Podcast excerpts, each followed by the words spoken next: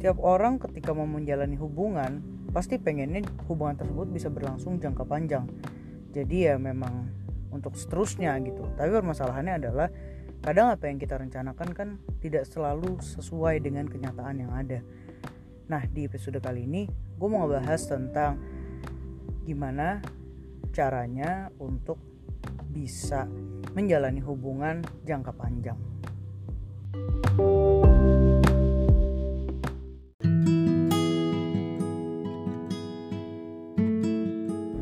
Balik lagi bareng gue Chill di Chill with Chill.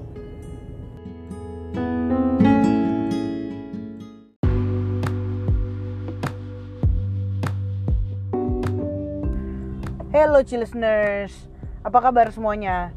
Eh, gue penasaran deh, kan gara-gara itu sebenarnya trigger kenapa gue penasaran ini, gue mau bicarain soal covid ya.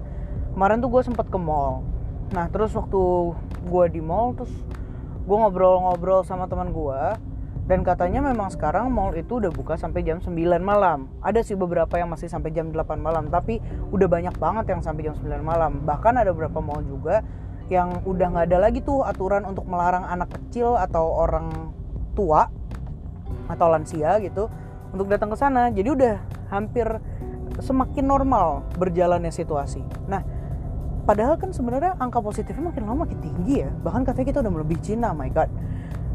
Kalau menurut kalian gimana sih? Sebenarnya apa ya? Kalau dari kalian sendiri how do you guys um, face it? Gimana menghadapi si corona ini sekarang? Apakah kalian udah hidup normal-normal aja? Bener-bener normal totally? Or kalian masih tetap aware dan juga tetap ngejaga dan melakukan protokol kesehatan. Well kalau gue sendiri sih gue sih masih menjaga itu gitu. Walaupun gue pergi ke mana-mana yes. Gue pergi gue udah ke mana-mana deh. Maksudnya gue udah um, gue ke kantor juga udah full. Terus abis itu gue juga udah main juga ketemu orang juga. Tapi gue tetap menjaga protokol kesehatannya dengan cara ya hand sanitizer masker. Terus memang gue bener-bener avoid untuk pegang muka. Apalagi kalau gue belum cuci tangan gitu loh kalau dari kalian kayak gimana? Nah sekarang kita ngomongin apa yang udah sempet gue singgung di segmen awal tadi yaitu hubungan jangka panjang. Kalau dari kalian itu pasti pengen dong punya hubungan yang lama hubungan jangka panjang. Tapi permasalahannya adalah tidak semudah itu bos. Ya nggak? Karena gini yang mau gue bahas adalah gimana caranya kalau dari sisi gue gimana point of view gue melihat cara untuk bertahan di sebuah hubungan. Sebenarnya bukan bertahan ya tapi menjalankan hubungan yang jangka panjang. Gue mulai dari hal-hal yang selalu gue omongin sebenarnya di di podcast gue di beberapa episode gue bahas mengenai empat step sebelum berkomitmen dengan seseorang. Yaitu yang pertama adalah komunikasi yang kedua adalah kejujuran yang ketiga adalah percaya dan yang keempat adalah komitmen setelah udah melaksanakan ini terus gimana caranya supaya tetap berkomitmen. Nah ini ibaratnya adalah apa ya versi lanjutan. Ini adalah advance ya. Jadi ini ada versi lanjutannya.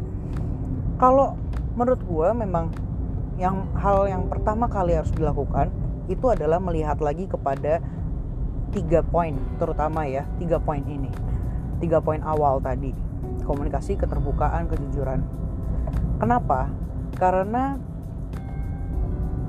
yang hal yang pertama harus kalian pahami how to stay in love. Karena fall in love itu lebih mudah daripada stay in love. Menjaga supaya kalian benar-benar tetap mencintai orang ini, begitu juga sebaliknya. Caranya gimana? Yang paling susah adalah how to keep the sparks. Sparks ini kayak gimana sih? Kalau di definisi gue sendiri, sparks itu lebih ke kalian tau gak sih kalau misalnya ada rasa-rasa salting ketemu sama orang yang kalian suka atau mungkin di awal-awal jadian tuh kayaknya everything runs smoothly uh, romantisme masih ada atau mungkin kalau misalnya yang nggak kayak gitu di masa PDKT ngerasain. Ketika tiba-tiba dia bales atau tiba-tiba dia chat duluan yang sebelumnya nggak pernah chat duluan. Itu kan pasti ada sparksnya. Nah ketika udah jadian ketika udah pacaran hal-hal kayak gini kan menjadi suatu hal yang biasa-biasa aja. Gimana caranya supaya tetap ngerasain itu? Atau kalau misalnya kalian tahu dengan konsep butterfly in your tummy situasi seperti itu tuh gimana cara menjaganya nah ini adalah hal-hal yang pertama kali harus dikomunikasikan bersama dengan pasangan. Apa sih maknanya sparks buat satu sama lain? Atau untuk cara taunya gimana? Cara taunya adalah bagaimana mereka kalian memandang relationship goals. Seperti apa definisi relationship goals versi kalian? Pasti ada. Mungkin sebagian orang ada yang pengennya ah pengennya hubungannya tuh dia bisa jadi partner in crime gue. Tapi nggak bisa soalnya dia tuh misalnya ya dia tuh ini banget baik-baik banget. Nggak pernah tuh mau yang aneh-aneh nggak pernah tuh mau nakal bareng nggak pernah tuh mau nyobain sesuatu hal yang baru sama-sama. Hidupnya gitu-gitu aja misal. Tapi itu nggak pernah diungkapkan. Itu dikit sendiri bahwa pengennya tuh sebenarnya kayak gitu loh. Atau misalnya yang satu lagi sebenarnya pengen Duh gue tuh seneng banget kalau ngeliat yang romantis-romantis gitu. Dikasih bunga Dikasih surprise Atau apa pun itu. Lebih suka yang romantis. Nah ada juga yang lebih sukanya Ya kalau gue sih sebenarnya relationship goals gue tuh Gak usah banyak omong Gak usah romantis-romantisan Tapi tetap nunjukin aja rasa rasa cintanya. Maksudnya lebih ke ya bertanggung jawab dan segala macam ada macam-macam. Kalian pasti punya definisi sendiri tentang relationship goals tadi itu. Nah coba aja tanya dulu sama diri sendiri. Sebenarnya relationship goals atau hubungan yang gue sorry hubungan yang gue impikan tuh seperti apa sih? Setelah tahu sama keinginan sendiri atau kalau misalnya bingung coba cari role modelnya. Seperti hubungannya siapa dengan siapa? Ya bisa dari artis bisa dari siapa pun atau mungkin lingkungan di sekitar. Maunya kayak gimana? Ketika kalian udah benar-benar tahu bahwa ini adalah bentuk hubungan ideal yang sangat diimpikan dari situ mulai mengkomunikasikannya dengan pasangan. Kalian bisa tanya sama pasangan kalau menurut mereka relationship goals itu kayak gimana sih? Kenapa ini menjadi penting? Karena balik lagi namanya aja relationship goals. Goals itu kan sebenarnya tujuan gitu. Maksudnya pengen dibawa ke mana jadinya seperti apa. Walaupun kalian pasti akan menemukan lagi sendiri polanya menjadi seperti apa dan caranya untuk keep the sparks itu seperti apa. Tapi gimana mau tahu itu kalau kalian sendiri nggak tahu dari sisi masing-masing seperti apa. Hal-hal seperti ini bisa meminimalkan terjadinya perdebatan sebetulnya biar kalian tahu mimpi pasangan kalian seperti apa. Biar pasangan kalian pun juga tahu mimpi kalian seperti apa. Nah terus mungkin timbul pertanyaan ketika menghadapi perbedaan ini gimana? Misalnya beda benar-benar jauh ya karena ini kejadian di di salah satu teman gue yang ceweknya itu suka banget sama hal-hal yang kalau kata versi cowoknya adalah menye-menye. Dia suka ada baby language-nya terus uh, yang dia tuh sebenarnya selalu menyukai hal-hal yang tiba-tiba si cowoknya melakukan hal romantis gitu. Sementara buat cowoknya romantisme itu nggak perlu. Menurut dia ya udah yang penting gue bertanggung jawab. Itu adalah bentuk cinta gue yang bisa gue kasih ke dia. Ya dengan gue bertanggung jawab. Gue nggak mau pakai apalah sosokan beliin bunga atau sosokan beliin apa mendingan gue beliin yang lain atau mendingan uangnya dipakai buat jalan atau ngapain gitu. Nah ketika ada perbedaan yang jauh seperti ini di saat inilah adaptasi itu diperlukan. Gini gue waktu itu ngomongnya gini sama teman gue sebetulnya lo pasti ingin membahagiakan pasangan lo. Ya dong pasti masa lo nggak mau ngebahagiain pasangan lo? Lo pasti mau membahagiakan pasangan lo. Selanjutnya adalah bahagi membahagiakan ini kan dijadikan tujuan. Dan untuk mencapai itu bisa ada banyak hal yang dilakukan. Mungkin salah satunya dengan sedikit memberikan yang mereka inginkan yang pasangan kita inginkan. Loh terus nggak jadi diri sendiri loh dong tetap jadi diri sendiri. Kenapa? Karena diri lo sendiri itu kan tujuannya membahagiakan dia. Lo bisa mencoba berbagai cara. Itu tetap bisa menjadi diri sendiri.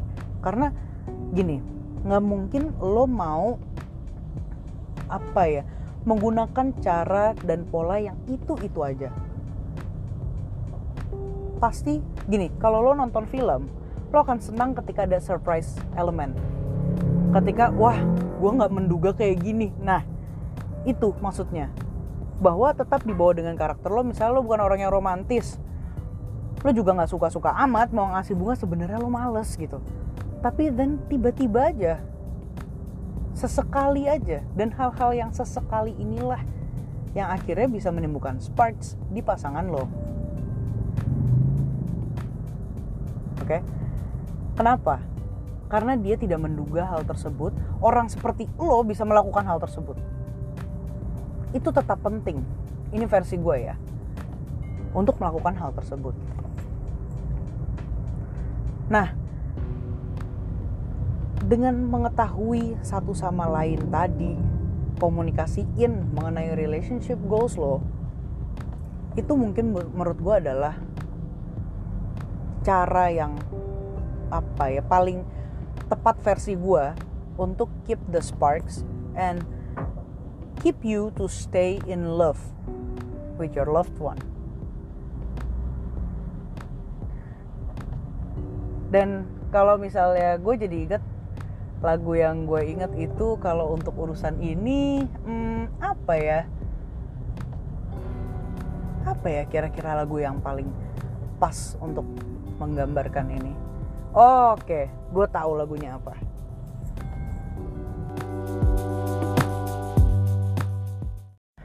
Sekarang atau 50 tahun lagi ku masih akan tetap mencintaimu Tak ada bedanya rasa cintaku Masih sama seperti pertama bertemu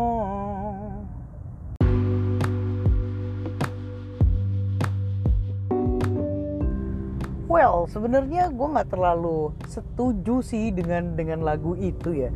Sekarang atau 50 tahun lagi ku akan tetap mencintaimu. Tak ada bedanya rasa cintaku masih sama seperti saat pertama bertemu. Kalau menurut gua cinta itu sebuah perjalanan dan malah harusnya grow. Semakin banyak kan momen yang dilewatin semakin banyak juga uh, obstacles atau permasalahan-permasalahan di kalian yang berhasil kalian lampaui, kalian langkahi bersama, harusnya rasa cinta itu tumbuh semakin besar. Cuman mungkin gini ya untuk sesuai dengan yang pertama kali bertemu itu adalah sparksnya. Jadi ya kalau bisa diganti jadinya sekarang atau sekarang sampai 50 tahun lagi gue masih akan ngerasain sparks itu loh setiap kali gue ketemu sama lo gitu dan itu tadi caranya. Dan ini sih sebetulnya juga tambahan lagi nih selain yang tadi udah sempet gue jabarin yaitu please banyak-banyakin deh diskusi deep talk dengan pasangan lo. Ngobrolin hal-hal yang krusial di dalam prinsip-prinsip hidup lo. Wow ada ondel-ondel. Sorry guys. Karena gue lagi nyetir. Nah uh, kalau menurut gue lo tuh penting banget ngomongin hal-hal yang kayak gitu tuh. Yang apa ya gimana lo memaknai sesuatu. Makna bagi dia seperti apa bagi lo seperti apa. Sama halnya dengan lo ngomongin dulu misalnya ya menurut lo menurut kamu selingkuh tuh apa sih? Kalau kamu bilang orang itu selingkuh itu ketika orang itu ngapain sih? Dan share juga menurut kalian seperti apa atau misalnya ngomong-ngomongin soal hmm, definisiin definisiin sesuatu hal aja. Mulai dari kalau misalnya cinta pandangan pertama kamu setuju nggak sama itu misalnya? Hal-hal yang kayak gitu. Maksudnya dengan seperti itu kalian tuh akan sebenarnya memaknai banget sudut pandangnya pasangan. Jadi ketika ada permasalahan kalian bisa mungkin uh, menerka tapi lebih jatuhnya hipotesa. Kalian bisa membentuk itu. Kira-kira ini loh mungkin posisi pasangan gue tuh ngelihatnya kayak gini karena kalian udah sering ngebicarain tentang sudut pandang masing-masing. Jadi kalian bisa bener-bener meninggikan empati nantinya. Dan bisa ngerasain gimana rasanya kalau put yourself in her on or in his shoes supaya meminimalkan perdebatan-perdebatan yang nggak perlu.